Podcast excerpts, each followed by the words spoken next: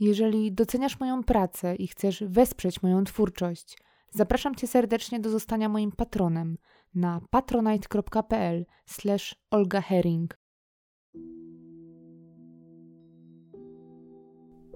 Sprawa, o której dzisiaj opowiem, jest dosyć świeża i nie jest powszechnie znana, chociaż jest przykładem niezwykle dziwnego i tajemniczego zaginięcia, o którym być może w innych okolicznościach byłoby głośno w całym kraju.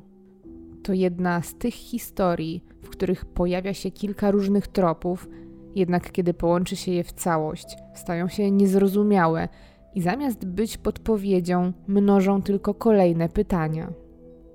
Ten wyjątkowy, trzynasty odcinek powstał w ramach wolontariatu dla Fundacji Zaginieni, która intensywnie poszukuje ludzi zaginionych, ale także prowadzi działalność prewencyjną, psychoedukacyjną oraz oferuje darmowe wsparcie psychologiczne zarówno dla rodzin osób zaginionych, jak i tych, którzy sami zmagają się z trudnymi decyzjami i być może właśnie teraz są na krawędzi. Sprawa poruszana dzisiaj jest jednym z wielu dramatów, jakie fundacja codziennie pomaga udźwignąć bliskim osób zaginionych, bo nikt z nas nie jest przygotowany na to, kiedy ukochana osoba nagle nie wraca do domu.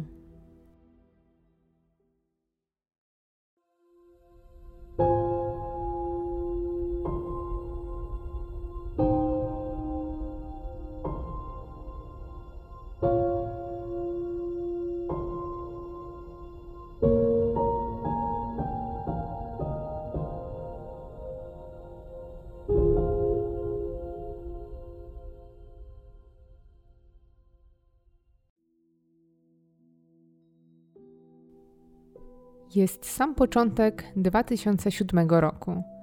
Piotr mieszka ze swoją mamą i swoimi dziadkami w Sochaczewie, a za kilka miesięcy, bo dokładnie w Dzień Kobiet, stanie się pełnoletni. Czeka na ten moment z niecierpliwością, bo wreszcie będzie mógł odebrać wymarzone prawo jazdy. Kurs i egzamin zdał już wcześniej, zanim skończył 18 lat. Piotrek uwielbia samochody, interesuje się motoryzacją i bardzo chce także zawodowo pójść właśnie w tym kierunku. Kiedy więc przychodzi dzień jego osiemnastych urodzin, pierwsze co rusza do urzędu, żeby odebrać wyczekiwany dokument, i właśnie to jest dla niego najlepszy prezent z tej okazji. Piotrek to młody i wysoki mężczyzna. Mierzy około 1,85 m wzrostu, jest szczupłej budowy ciała, ma niebieskie oczy i jasno-brązowe włosy, a ubiera się typowo – Lubi sportowe, wygodne buty, najczęściej zakłada bojówki albo jeansy, do tego t-shirt i bluzy z kapturem. Najważniejsze jest dla niego, żeby było przede wszystkim wygodnie, dlatego też zupełnie nie wyróżnia się z tłumu. Ten czas na przełomie 2007 i 2008 roku jest dla niego ważny i otwiera nowe rozdziały w jego życiu. Dopiero odebrał prawo jazdy, kończy też szkołę średnią i zdaje maturę, ale także poznaje swoją miłość życia, Olgę. A ten z początku niepozorny licealny związek przeradza się w coś naprawdę poważnego. Kiedy w 2008 roku zdaje maturę i kończy obowiązkową edukację, postanawia wyprowadzić się od dziadków i przenieść do domu w Czerwonce.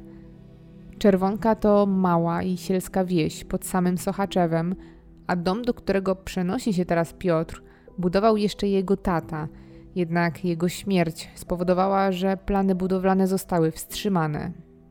Piotrek bardzo przeżył odejście swojego taty, który był jego wzorem i autorytetem, i teraz, kiedy jest już dorosły, chce dokończyć dzieła, chce zakończyć napoczętą budowę i sprawić, żeby to miejsce było jego wymarzonym miejscem na ziemi, a także miejscem dla jego przyszłej rodziny, którą bardzo chce założyć.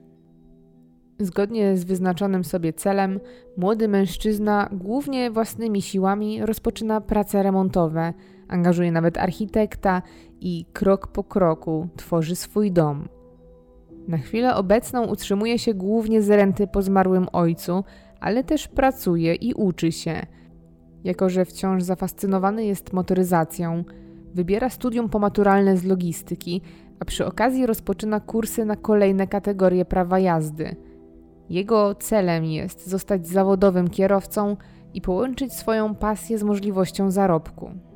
Tak też robi i już po kilku latach, zgodnie z obowiązującymi przepisami, zdaje egzaminy i tym sposobem w krótkim czasie staje się posiadaczem prawa jazdy na wszystkie możliwe kategorie, a to z kolei otwiera przed nim sporo nowych dróg, dosłownie i w przenośni. Od teraz faktycznie staje się kierowcą zawodowym. Najpierw zaczyna od mniejszych aut i krótszych tras, ale ostatecznie kieruje nawet wielotonowymi tirami i jeździ po całej Europie, szczególnie często do Niemiec, Hiszpanii, Holandii albo Belgii. Jednak wiele się zmienia w 2015 roku, kiedy Piotr ma 26 lat. Po roku małżeństwa i siedmiu latach szczęśliwego związku z Olgą, na świat przychodzi ich wymarzona i wyczekiwana córka Julia. To sprawia, że młody tata nie chce już tak często i na tak długo wyjeżdżać. Ogranicza dalekie kursy, bo nie chce zostawiać swojej żony i córki samych na tak długo i tym samym rozpoczyna szukanie pracy jako kierowca w okolicy. Decyduje się teraz na zlecenia po krótkich trasach i chociaż wybór jest znacznie mniejszy, a zarobki nie są tak dobre, to nie sprawia to ich budżetowi dużego problemu, bo oprócz pracy za kółkiem Piotrek zarabia w jeszcze inny sposób. Zajmuje się sadownictwem, a tuż przy domu w Czerwonce, w którym mieszka już teraz kilka lat, ma swój własny sad, który prowadził jeszcze jego ojciec i który jest pewnego rodzaju rodzinną spuścizną. Można powiedzieć, że sadownictwo jest tradycją rodzinną, którą ten młody mężczyzna kontynuuje, ale co bardzo ważne, nie tylko ze względu na sentyment, ale Piotrek rzeczywiście szczerze to lubi i taka praca sprawia mu olbrzymią satysfakcję i wnosi w jego życie spokój, który bardzo sobie ceni. W tym przydomowym sadzie, całkiem sporych rozmiarów, hoduje głównie jabłka i wiśnie, a praca wśród drzew i typowych prac złotej rączki całkowicie go odstresowuje. Jest to więc dla niego połączenie idealne, bo kiedy czuje przesyt jazdą za kółkiem, może na jakiś czas odpuścić sobie zlecenia i zaszywać się w sadzie, w którym praktycznie zawsze jest coś do roboty, a tempo można z kolei nadawać sobie samemu. W pracach w sadzie pomaga mu także teść, ojciec Olgi, z którym Piotrek nawiązuje silną więź. Mężczyźni spędzają ze sobą dużo czasu i trzeba przyznać, że zaczyna łączyć ich prawdziwa przyjaźń, a tata żony, co wcale nie jest takie oczywiste w każdej rodzinie, staje się także tatą dla Piotra. Życie tego młodego małżeństwa i świeżo upieczonych rodziców toczy się więc spokojnie, jest przewidywalne i pozbawione pośpiechu. Piotr powoli z pomocą architekta i na miarę swoich możliwości finansowych wciąż remontuje dom, a malutka Julia rośnie, sad natomiast co roku wydaje owoce. W tej rodzinie zdecydowanie niczego nie brakuje. Jest miłość, szacunek, a więzy rodzinne są tu bardzo ważne i pielęgnowane. Wszyscy utrzymują ze sobą bliskie i serdeczne relacje i nie tylko dobrze wiedzie się w ich małżeństwie, ale Piotrek ma także świetny kontakt na przykład ze swoją mamą, która mieszka nieopodal, bo w Sochaczewie. Rozmawiają ze sobą praktycznie codziennie, widują się regularnie, a także Olga ma świetny kontakt ze swoją teściową, a mała Julia uwielbia swoją babcię. Piotrek przede wszystkim stawia na rodzinę, co zaznaczył już wcześniej, rezygnując z dalekich tras.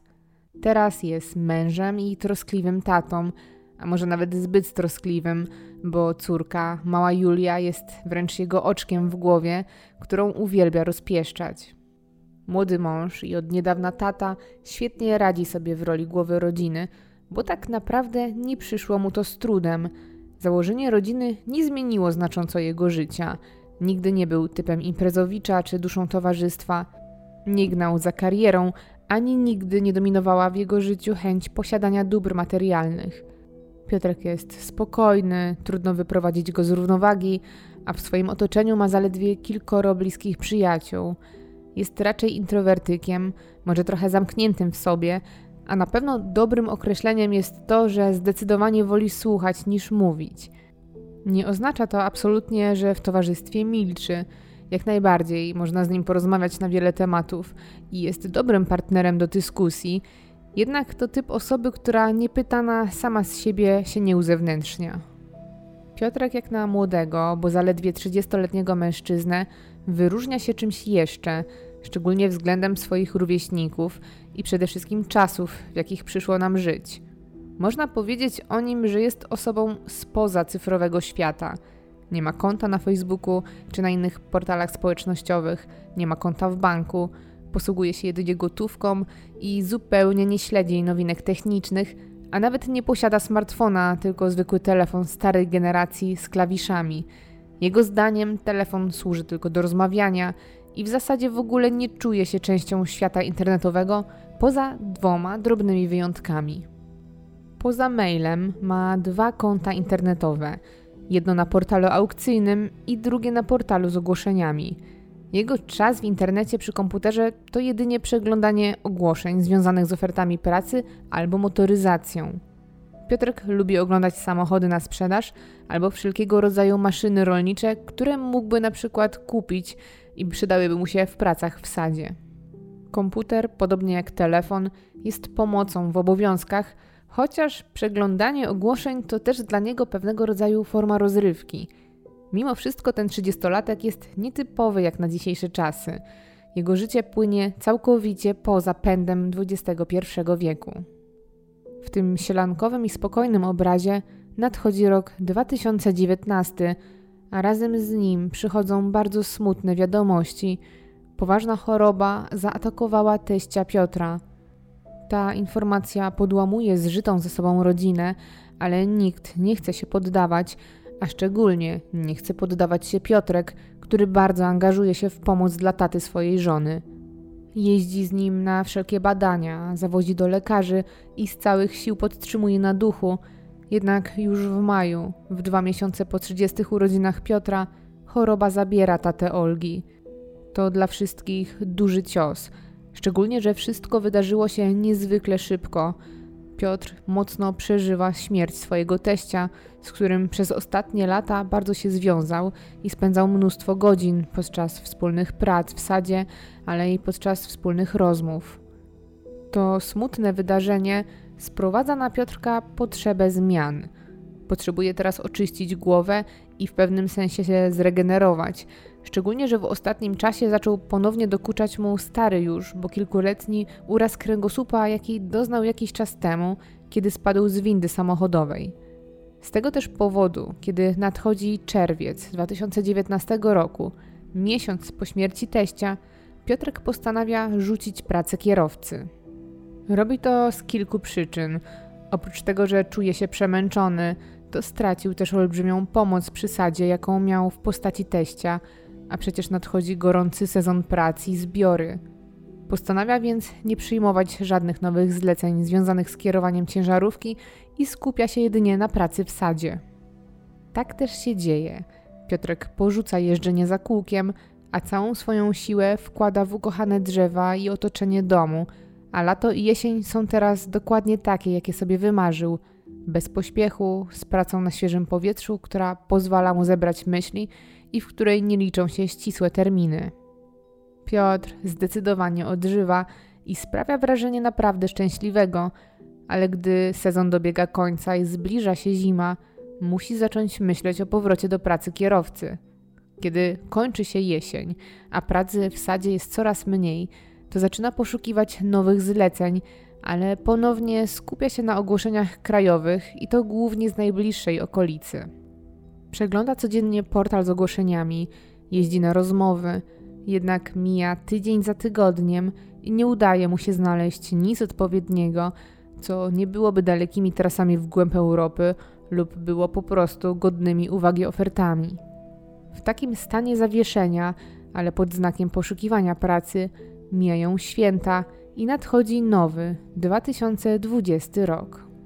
Jest środa, 22 stycznia już od blisko 8 miesięcy Piotrek nie pracuje jako kierowca, a ostatnie tygodnie były bezskutecznym szukaniem pracy w zawodzie.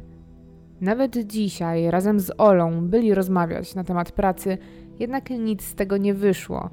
Jest jednak nadzieja.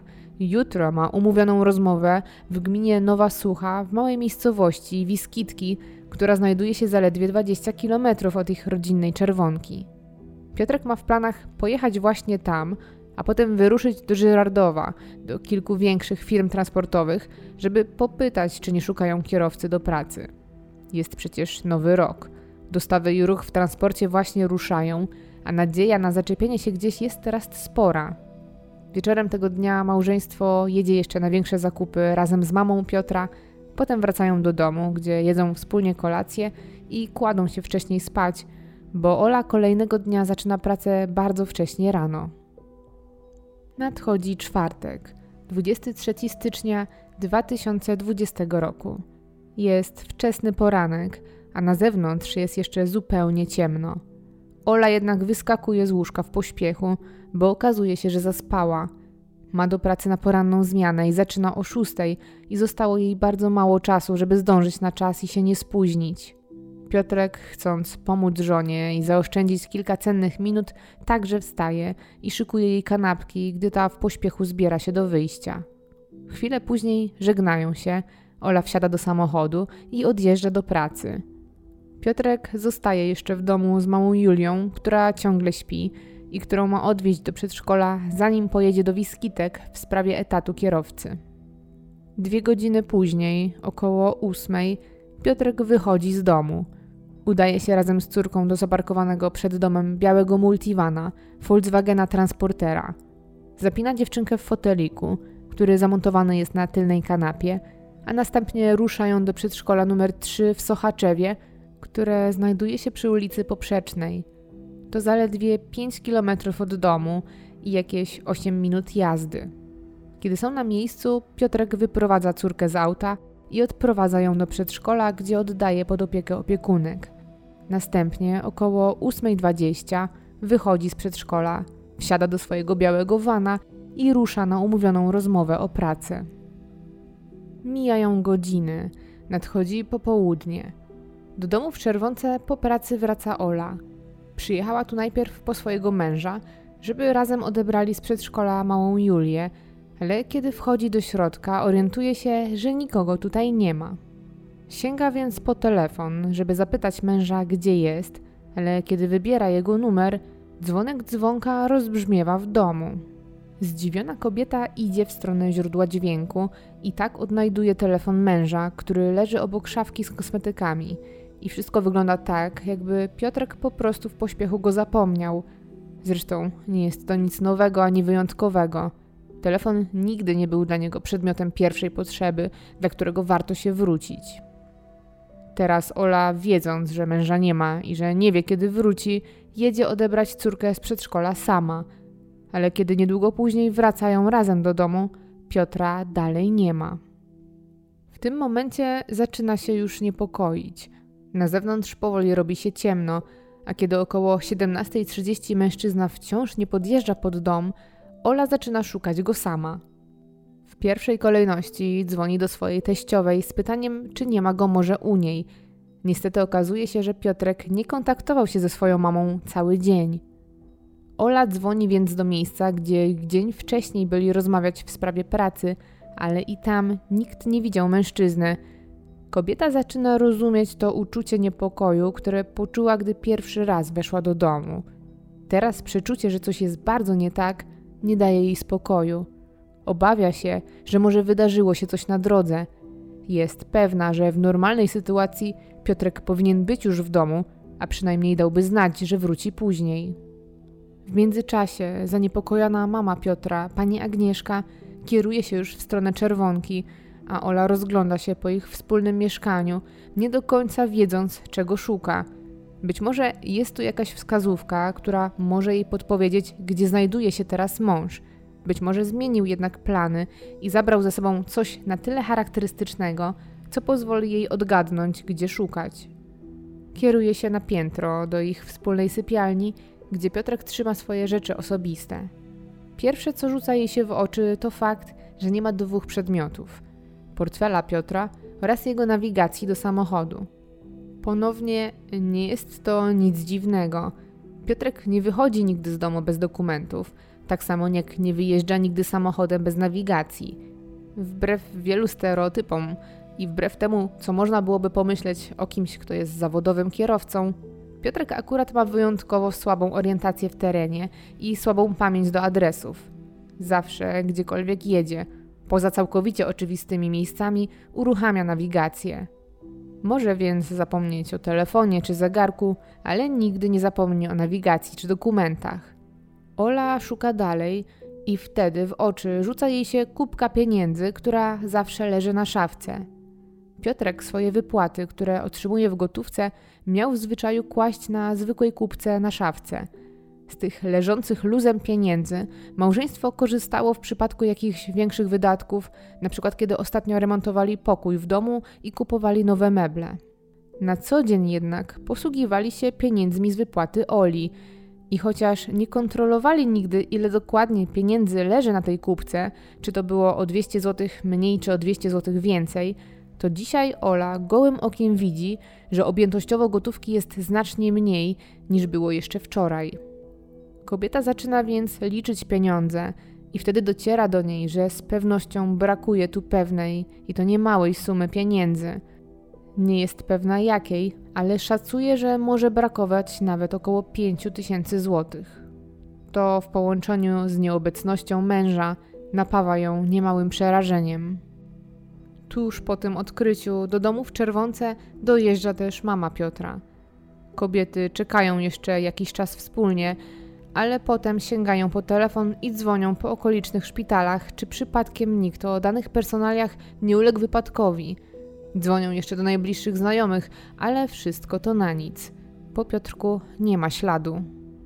Co zupełnie zrozumiałe, kobiety nie mają już pomysłu co dalej, ale opanowane przeczuciem, że stało się coś złego, już o 20 tego samego dnia, 12 godzin od ostatniego razu, kiedy Piotrek był widziany, udają się na policję, żeby zgłosić jego zaginięcie. Na całe szczęście na komendzie trafiają na przychylnych i kompetentnych policjantów, którzy nie tylko przyjmują zgłoszenie, ale faktycznie zaczynają zajmować się sprawą od razu. Jako, że nadchodzi już noc, poszukiwania w terenie nie są możliwe.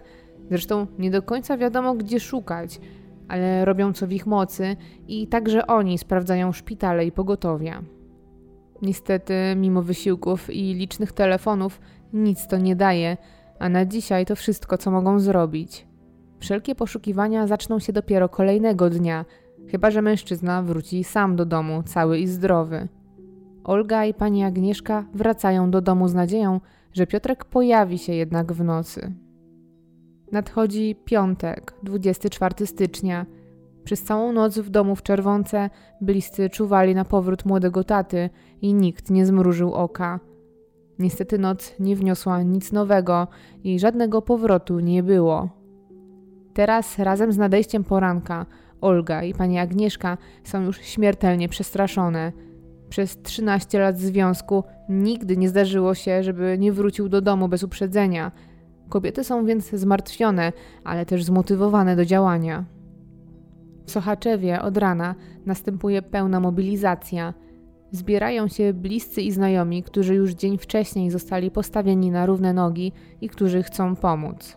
Rozpoczynają się poszukiwania Piotra ze strony policji, ale także ze strony bliskich. Chętni do pomocy dzielą się na kilka grup. Wyznaczają sobie trasy, jakimi Piotrek mógł wczoraj się poruszać i ruszają jego ewentualnym tropem. Część kieruje się na południe, do Żyrardowa. Mają też zamiar zahaczyć o miejsce, w którym Piotr miał umówioną rozmowę o pracę. Inna grupa rusza na południe, w stronę Płońska, a jeszcze inna w stronę Płocka. Kierują się głównymi trasami, zaglądają do okolicznych barów czy odwiedzają stacje benzynowe. Pierwsze wieści docierają z Wiskitek, w których to Piotrek miał być wczoraj na rozmowie o pracę, jednak szybko się okazuje, że nigdy na nią nie dotarł. Także w Żyrardowie, w okolicznych firmach transportowych nie pojawił się wczoraj nikt, kto szukałby pracy, ani tym bardziej kto pasowałby do opisu. Okazuje się więc, że z jakichś przyczyn poszukiwany mężczyzna w ogóle nie był w okolicy, w jakiej zapewniał rodzinę, że będzie. Bliscy wracają więc do punktu wyjścia, jakim jest ostatni pewny trop, czyli to, że w czwartek o 8.20 Piotrek był widziany w przedszkolu w Sochaczewie. Rodzina czuje się skołowana. Nie wiedzą co dalej i gdzie szukać, więc zupełnie na oślep ruszają głównymi trasami kierującymi się do dużych miast. Korzystają z życzliwości niektórych właścicieli stacji benzynowych i przydrożnych barów, którzy pozwalają im przejrzeć monitoringi. Ta ciężka i żmudna praca przynosi jednak efekty. Okazuje się, że monitoring na jednej ze stacji benzynowych, oddalonej o blisko 60 km od domu, zarejestrował samochód Piotra. To olbrzymi przełom i pierwszy ślad, którego tropem można pójść dalej. Teraz rodzina wie, że dzień wcześniej, w czwartek, po odstawieniu córki do przedszkola, Piotrek skierował się na północ, w stronę Płońska, oddalonego o godzinę jazdy od przedszkola. Co ciekawe, to w zupełnie przeciwnym kierunku niż miejsce, w którym miała odbyć się jego rozmowa o pracę. I chociaż jest to jakaś wskazówka, a auto na monitoringu to na pewno samochód Piotra, pojawiają się pewne niejasności. Z powodu jakości nagrania nie da się określić, kto kieruje samochodem i w zasadzie czy był w nim ktoś jeszcze, a jeśli był to faktycznie Piotr, co miałby robić w Płońsku. Jest to jednak nowy punkt zaczepienia i wszystkie siły i cała akcja poszukiwawcza przeniesiona zostaje właśnie w tamte okolice.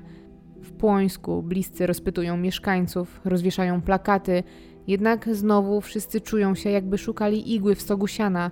Nie wiedzą co dalej.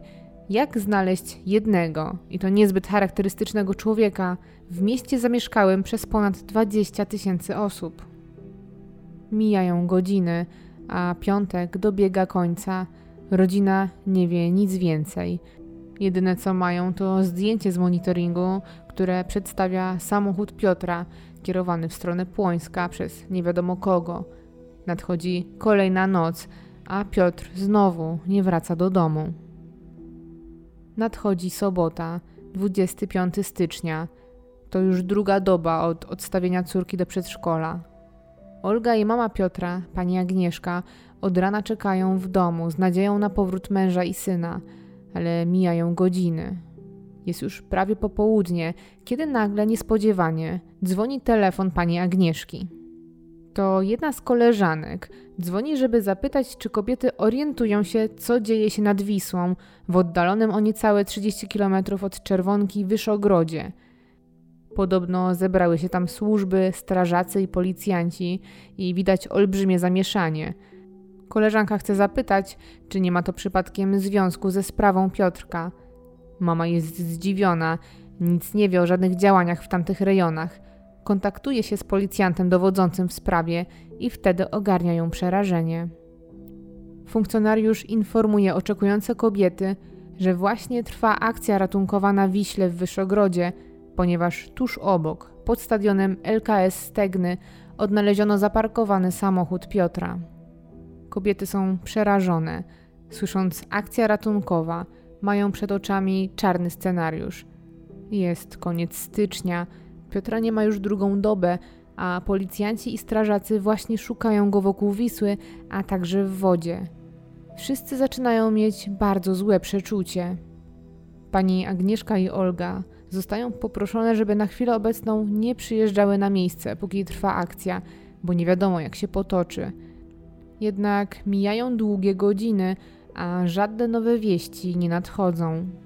Kilka bliskich osób zostaje jednak oddelegowanych na miejsce znalezienia samochodu i tam dowiadują się o nowych szczegółach, które wszystkich niepokoją, ale i dziwią. Przede wszystkim samochód jest zaparkowany pod miejskim stadionem w Wyszogrodzie przy ulicy Klasztornej, tuż pod bramą wjazdową. Jest to miejsce zupełnie nieznane rodzinie. Nikt z bliskich tego boiska z Piotrem nie kojarzy, zresztą w ogóle nie kojarzy. Nie są w stanie zrozumieć, dlaczego auto znajduje się właśnie tutaj. Sam samochód jest zamknięty, jednak kluczyki znajdują się na jego kole – co ciekawe, jest to zachowanie, które zdarzało się Piotrowi. Z reguły robił tak, kiedy zostawiał na przykład samochód na podjeździe przed domem i wiedział, że za chwilę ktoś inny ma do niego zajrzeć. Miało to być po prostu ułatwienie dla drugiej osoby korzystającej z wana. Dziwi jednak to, że zrobił tak w zupełnie obcym miejscu, niejako zostawiając dostęp do samochodu osobom postronnym. Sam samochód, a raczej jego wygląd zewnętrzny, jest także niepokojący. Przede wszystkim dlatego, że jest nadpalony. Wygląda to tak, jakby ktoś usiłował podpalić wana, jednak nie do końca mu to wyszło. Do wlewu baku wetknięta jest szmata, którą ktoś wcześniej podpalił i która co prawda zajęła się ogniem, ale jedynie osmalając okolice wlewu baku. Ta próba podpalenia, a być może doprowadzenia do wybuchu całego samochodu, najwyraźniej się nie udała. Ale co ciekawe, podpalenie samochodu, szczególnie napędzanego olejem napędowym, w taki właśnie sposób byłoby bardzo trudne i niektórzy mają wrażenie, że Piotrek, jako fascynat motoryzacji, powinien to wiedzieć. Dlaczego więc i kto to zrobił, tego nie wiadomo. Funkcjonariusze po zewnętrznych oględzinach otwierają zamknięty samochód, a kiedy zaglądają do środka, pierwsze co rzuca im się w oczy to teczka na gumkę, która leży na siedzeniu pasażera. Są w niej jakieś stare nieistotne dokumenty, ale najważniejsze jest to, co znajduje się na teczce. Jest to wiadomość zapisana markerem leżącym obok.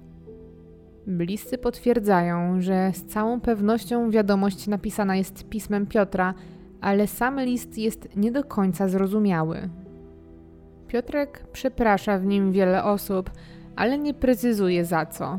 Wysyła pozdrowienia i kilka dobrych rad na przyszłość, a sama wiadomość jest bogata w emotikony przedstawiające uśmiechnięte buźki. Treść jest enigmatyczna i nie zawiera żadnych konkretów, a według specjalistów nie brzmi jak typowy list pożegnalny i zamiast cokolwiek wyjaśnić, rodzi kolejne pytania, które tylko się mnożą, kiedy policjanci przeszukują samochód dalej. Niepokojący jest jego stan w środku. Trzeba tu zaznaczyć, że Piotrek jako fan motoryzacji, a także osoba, która lubi porządek, zawsze miał posprzątany samochód. Mało tego, to była jego pewnego rodzaju nawet forma relaksu, bo od czasu do czasu lubił wysprzątać samochód, wszystko w nim poukładać. Dlatego ogromnym zdziwieniem dla wszystkich, którzy go znają, jest to, co widzą w środku. Tylne siedzenia w samochodzie są wypięte z szyn i porozrzucane po całej kabinie. Leżą niedbale, jakby rzucono od niechcenia. Także fotelik małej Julki jest wypięty i leży rzucony gdzieś w kącie. Piotr zawsze szanuje i dba o wszystkie swoje przedmioty. Taki stan, w jakim znajduje się jego samochód, to coś zupełnie nie w jego stylu. Śledczy przeszukują auto, jednak pośród tego bałaganu nie ma nic, co mogłoby stwierdzić, że doszło tu do walki lub innych aktów przemocy. Policjanci przeszukują samochód dalej i znajdują kolejne tropy. W aucie leży włączona wciąż nawigacja marki Mołtkom, która zniknęła z domu, ale to nie wszystko. W schowku, w samochodowej apteczce schowane są pieniądze. Niecałe 5 tysięcy złotych, których zniknięcie Ola odnotowała już w czwartek. Wszystko wydaje się nie mieć więc żadnego sensu. Śledczy przepytują okolicznych mieszkańców i spacerowiczów o zaparkowany samochód. Pytają, czy nikt nie widział nic i czy może nie kojarzą poszukiwanego mężczyzny, może widzieli coś niepokojącego. Lokalni jednak mówią zgodnie, że nie zwracają uwagi na takie rzeczy. Nie dziwią ich zaparkowane samochody na obcych tablicach rejestracyjnych, ponieważ jest tu piękny widok na okolice i znajduje się tu zresztą punkt widokowy. Jednak wywiad środowiskowy nie idzie na marne. Policjanci docierają do mieszkającego obok mężczyzny, który odnotował pojawienie się samochodu i z całą pewnością stwierdza, że biały van pojawił się tutaj już w piątek wieczorem, co oznacza, że stoi tutaj kilkanaście godzin. Mają więc mało optymistyczny obraz. Pusty i celowo uszkodzony samochód, niepokojący list i mężczyzna, który od dwóch dni nie wraca do domu. Mają złe przeczucie, są blisko Wisły i mostu, który nad nią prowadzi, i z tych wszystkich powodów na wodzie i dookoła trwa intensywna akcja ratunkowa. Jest tu policja, straż pożarna, wojsko, rodzina i znajomi i inne osoby, które chcą pomóc. Wszyscy przeczesują dokładnie teren. Pojawiają się też przewodnicy z psami tropiącymi do osób żywych. Zaczynają od samochodu, a pracujące zwierzęta bardzo szybko podejmują trop Piotra. Prowadzą w głąb ulicy Klasztornej, za ogródki działkowe, w odludne miejsce otoczone polami. Trop jednak nagle się urywa około pół kilometra dalej. Dzieje się to na rozwidleniu dróg, gdzie jedna prowadzi z powrotem do auta, druga to ślepa uliczka, która zaraz się kończy, a trzecia natomiast prowadzi do ruchliwej drogi krajowej. Psy nie podejmują już dalszego tropu, na pewno nie w stronę Wisły ani w stronę lasu. Nagłe zgubienie śladu zapachowego może świadczyć o dwóch rzeczach. Albo Piotr wrócił z powrotem w stronę auta tą samą drogą, którą przyszedł, albo w miejscu zgubienia tropu wsiadł w jakiś samochód i odjechał. Mimo wszystko, wreszcie jest jakiś ślad obecności Piotra i pewnym jest, że jeszcze niedawno tutaj był, a może wciąż jest. Na miejscu pojawiają się kolejni policjanci. Przeszukiwany jest teren gałąź po gałęzi.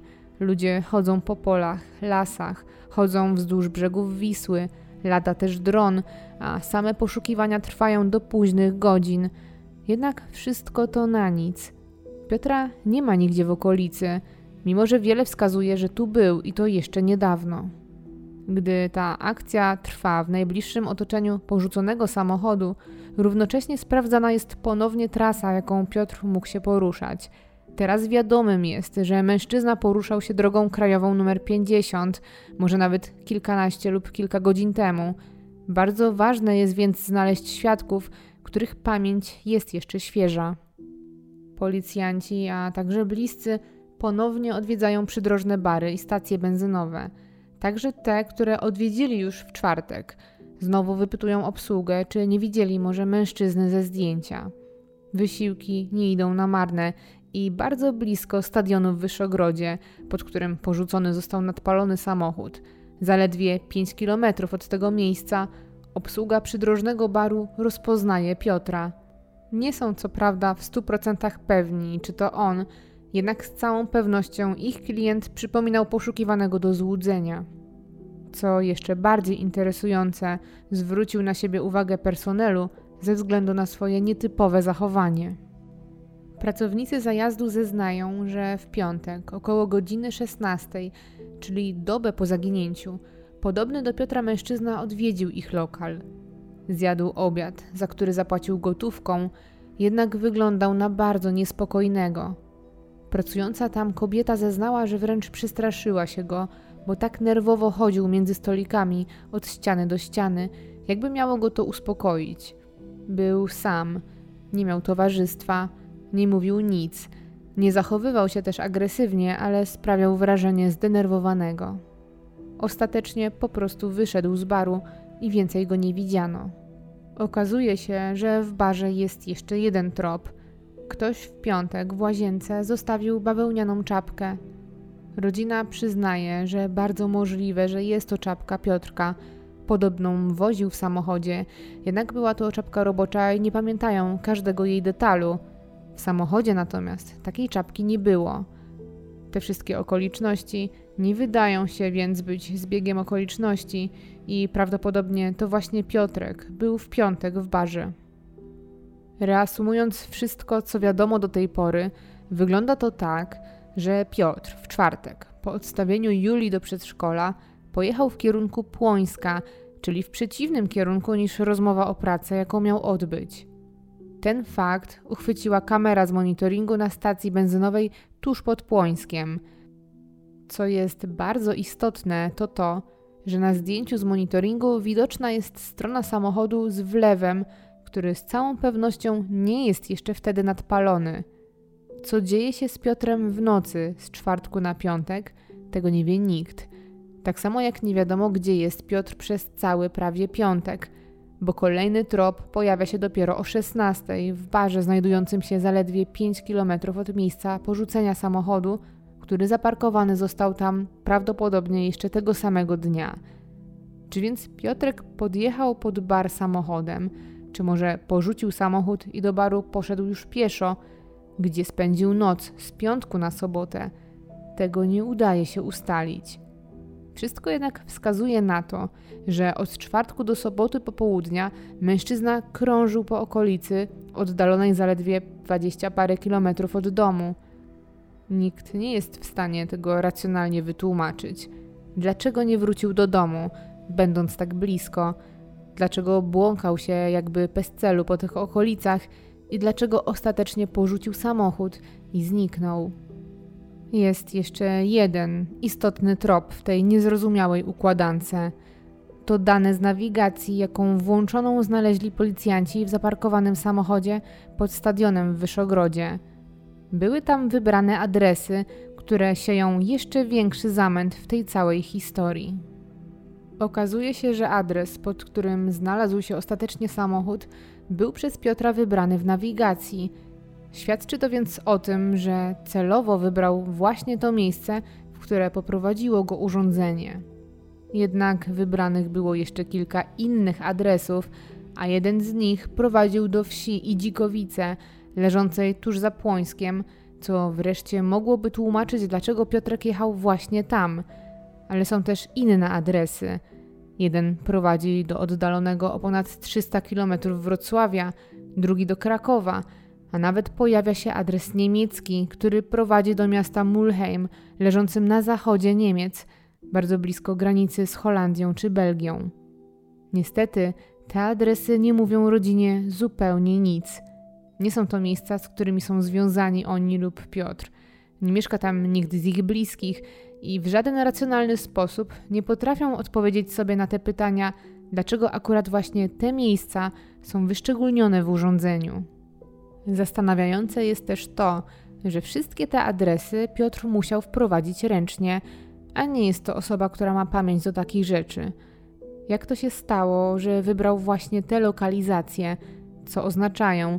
Czy ktoś mu je podyktował? A jeśli nie, to skąd znał te miejsca, skoro nie miał przy sobie telefonu czy komputera? To wszystko, choć bardzo zagmatwane, jest jednak jedynym tropem, jakim mogą iść dalej śledczy i rodzina. Bliscy udają się więc w pierwszej kolejności do najbliższego adresu z nawigacji, do Idzikowic, małej i spokojnej wsi za Płońskiem. Mają nadzieję, że wreszcie czegoś się dowiedzą, a szansa istnieje, bo trafiają do domu jednorodzinnego, a w zasadzie małego gospodarstwa pod lasem. Jednak gdy pytają o Piotra, okazuje się, że nikt z mieszkających na posesji go nie kojarzy. Są też pewni, że nie pojawił się u nich w ostatnich dniach, jednak mają pewne podejrzenie, jak to się stało, że to ich adres znajduje się w urządzeniu. Właściciel domu szukał pracowników i wystawił ogłoszenie o pracę na jednym z portali, jakie zresztą Piotrek regularnie odwiedzał. Czy więc to tutaj kierował się w czwartek, kiedy zarejestrował go monitoring? Chciał porozmawiać o pracy? A jeśli tak, dlaczego nie dotarł na miejsce? Inne adresy także zostają sprawdzone, jednak i one nie przynoszą odpowiedzi. Pozostał jeszcze adres niemiecki, ale to ponad tysiąc kilometrów od domu. Policja kontaktuje się co prawda z policją niemiecką, jednak i tam nie odnotowano obecności młodego mężczyzny i w zasadzie poza wzmożoną czujnością za wiele zaoferować nie mogą. Mijają tygodnie, a po Piotrze nie ma wciąż śladu. Mężczyzna nie wraca do domu, do żony i małej córki. Nie ma też po nim śladu w okolicach porzuconego samochodu, pomimo dokładnych i skrupulatnych prac w terenie czy prac na wodzie, także z udziałem sonaru. Rodzina zaczyna gubić się i nie wie co dalej. Proszą o pomoc nawet prywatnego detektywa, a także zgłaszają się do gazet i wszelkich programów telewizyjnych, żeby nagłośnić zaginięcie swojego ukochanego członka rodziny. Chcą w ten sposób dotrzeć do jak najszerszego grona odbiorców i tym sposobem, razem z wiosną, informacje o Piotrku zaczynają pojawiać się w mediach. Kilka programów interwencyjnych robi materiały o sprawie, w internecie coraz więcej osób udostępnia posty o zaginięciu, a rodzina, gdzie tylko się da, rozwiesza plakaty ze zdjęciem Piotrka.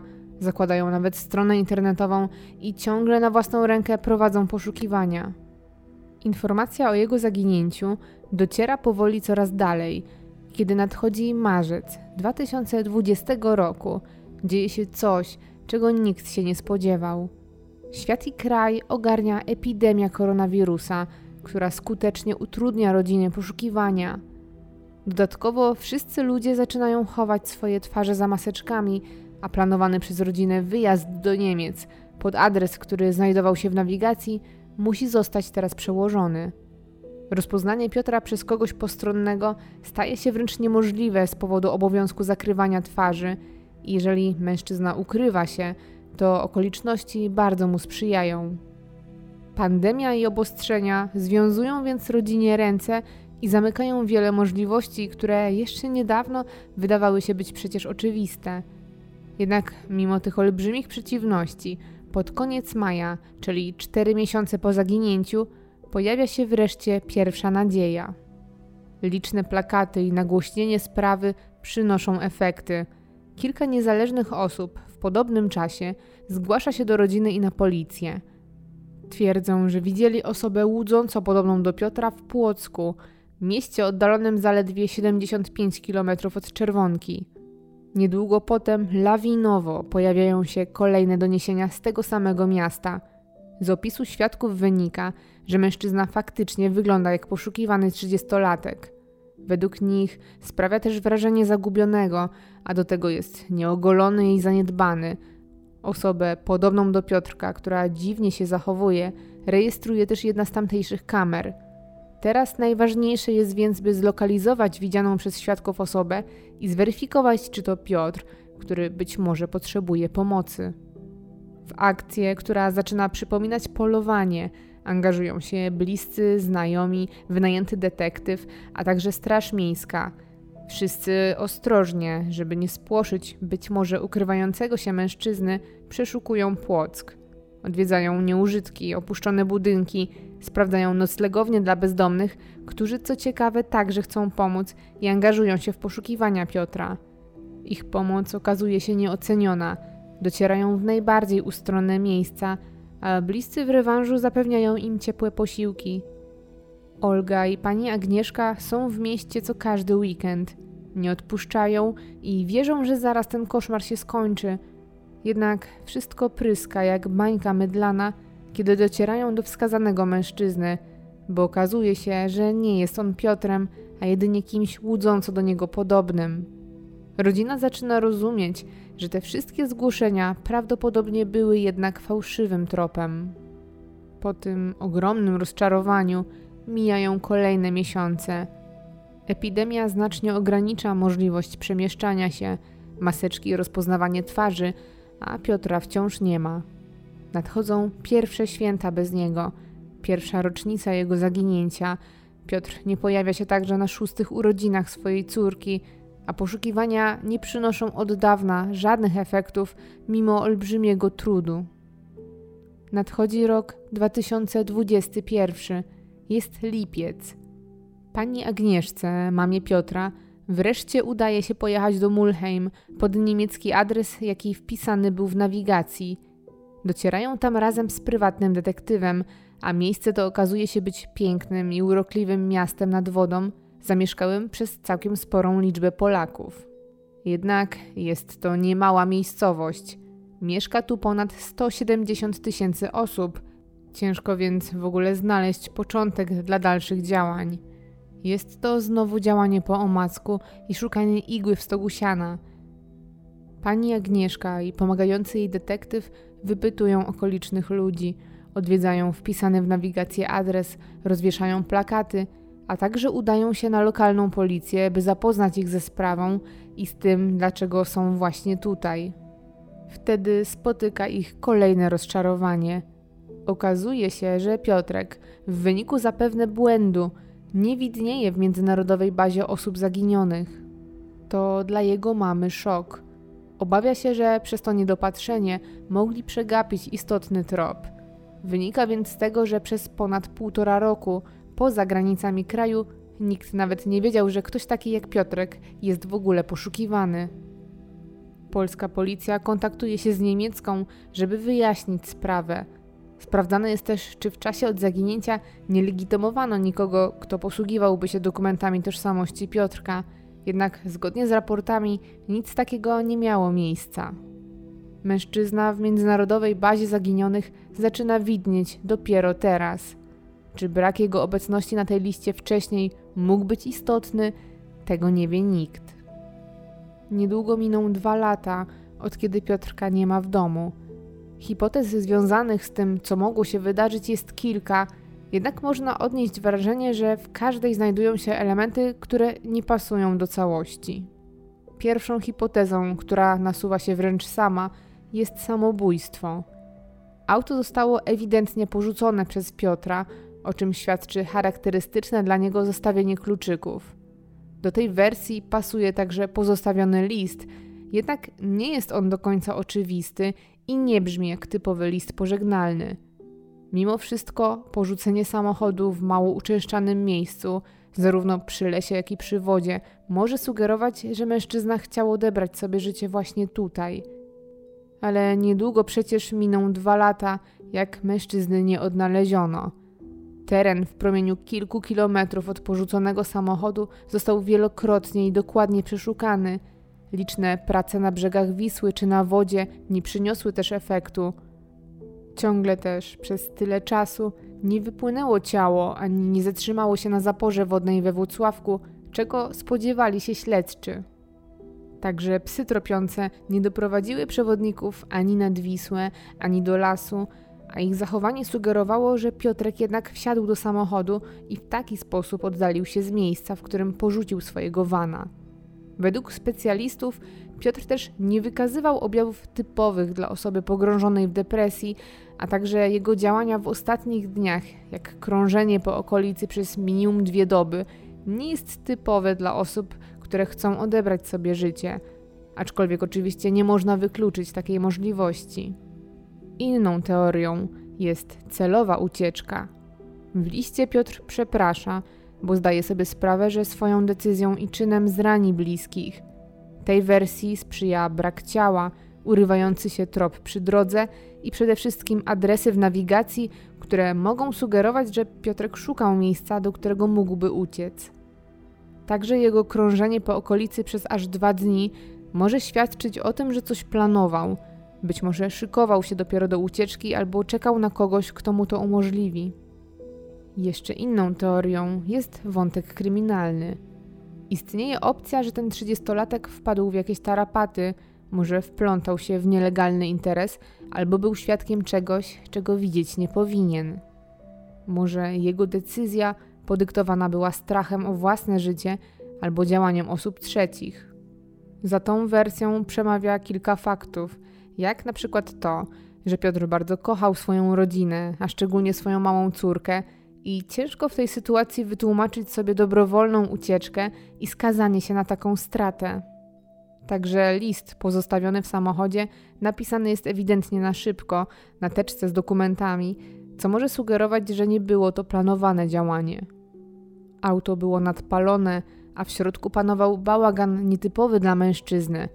Jeśli Piotr chciał uciec lub popełnić samobójstwo, po co miałby niszczyć samochód, szczególnie gdy w środku znajdował się list, który, gdyby jednak doszło do pożaru, uległby przecież zniszczeniu. Czy więc to ktoś obcy chciał pozbyć się auta? Rodzina nie wyklucza także wersji o zniknięciu w wyniku np. utraty pamięci. Działania Piotrka w ostatnich dniach mogą wyglądać jak kroki kogoś, kto jest bardzo zagubiony i kto nie do końca racjonalnie postępuje. Niektórzy to zaginięcie łączą z innym zaginięciem, bo następuje tu dość ciekawy i niespotykany zbieg okoliczności. Cztery lata przed zaginięciem Piotra, w tym samym miejscu zaginął inny mężczyzna, Marcin Krajewski. Jego otwarty samochód także został znaleziony dokładnie przy tej samej ulicy klasztornej, zaledwie kilkaset metrów dalej. Pan Marcin, podobnie jak Piotrek, wyszedł z domu z określonym planem.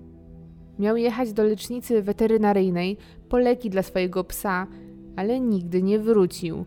Czy te sprawy są powiązane? Czy to po prostu zwykły zbieg okoliczności? Ciężko stwierdzić. Jedno jest pewne: po obu mężczyznach nie ma śladu do dzisiaj. Rodzina i znajomi nie odpuszczają w sprawie Piotra. Stworzyli stronę internetową, która ma pomóc odnaleźć mężczyznę i na której opublikowali listy, które są skierowane do mężczyzny. Biorą też pod uwagę to, że z jakichś tylko sobie znanych przyczyn ten nie chce wrócić z własnej woli i choć przychodzi im to z trudem, to rozumieją. Dlatego, Piotrze, jeśli uda się do ciebie dotrzeć, daj znać, że żyjesz. pozwól odetchnąć swojej rodzinie. Na policji możesz podpisać akt woli, dobrowolnie zostać usunięty z baz danych osób zaginionych i żyć zgodnie ze swoim wyborem bez informowania ich o swoim miejscu pobytu. Będą jedynie wiedzieć, że nic ci nie jest. Piotr Pietrzak wciąż jest poszukiwany przez zrozpaczoną rodzinę. Na jego powrót czeka żona, mama i przede wszystkim mała córka, która nie rozumie, dlaczego jej taty nie ma. Wszyscy są zdesperowani, by go odnaleźć. Dlatego przyjaciel Piotrka, jego imiennik Piotr Drust, jest fundatorem nagrody pieniężnej dla osoby, która przyczyni się do wskazania aktualnego miejsca pobytu jego przyjaciela. Nagroda w wysokości aż 50 tysięcy złotych czeka na osobę, która pomoże odnaleźć zaginionego. Więcej szczegółów odnośnie nagrody oraz regulamin jej przyznania znajdziecie na stronie Fundacji Zaginieni. Każdy z nas może znaleźć się na krawędzi i stanąć przed trudnymi decyzjami. Każdego z nas mogą przerosnąć problemy i emocje, z którymi sobie nie radzimy. W takich sytuacjach warto pamiętać, że są miejsca i ludzie, którzy mogą i chcą pomóc. Nasza każda poważna decyzja wpływa nie tylko na nas, ale i na tych, których kochamy i którzy kochają nas. Pozwólmy sobie pomóc, zanim powiemy dość. Zachęcam Was serdecznie do zajrzenia na stronę i profil na Facebooku Fundacji Zaginieni. Znajdziecie tam wizerunek innych poszukiwanych osób, a także poznacie szczegóły odnośnie sprawy Piotra i nagrody za wskazanie jego aktualnego miejsca pobytu. Nie bądźmy obojętni. Serdeczne podziękowania dla moich szczególnych patronów, dla Maćka, Olgi, Kasi, Piotra, Ani, Aliny i Łukasza oraz reszty wspierających mnie.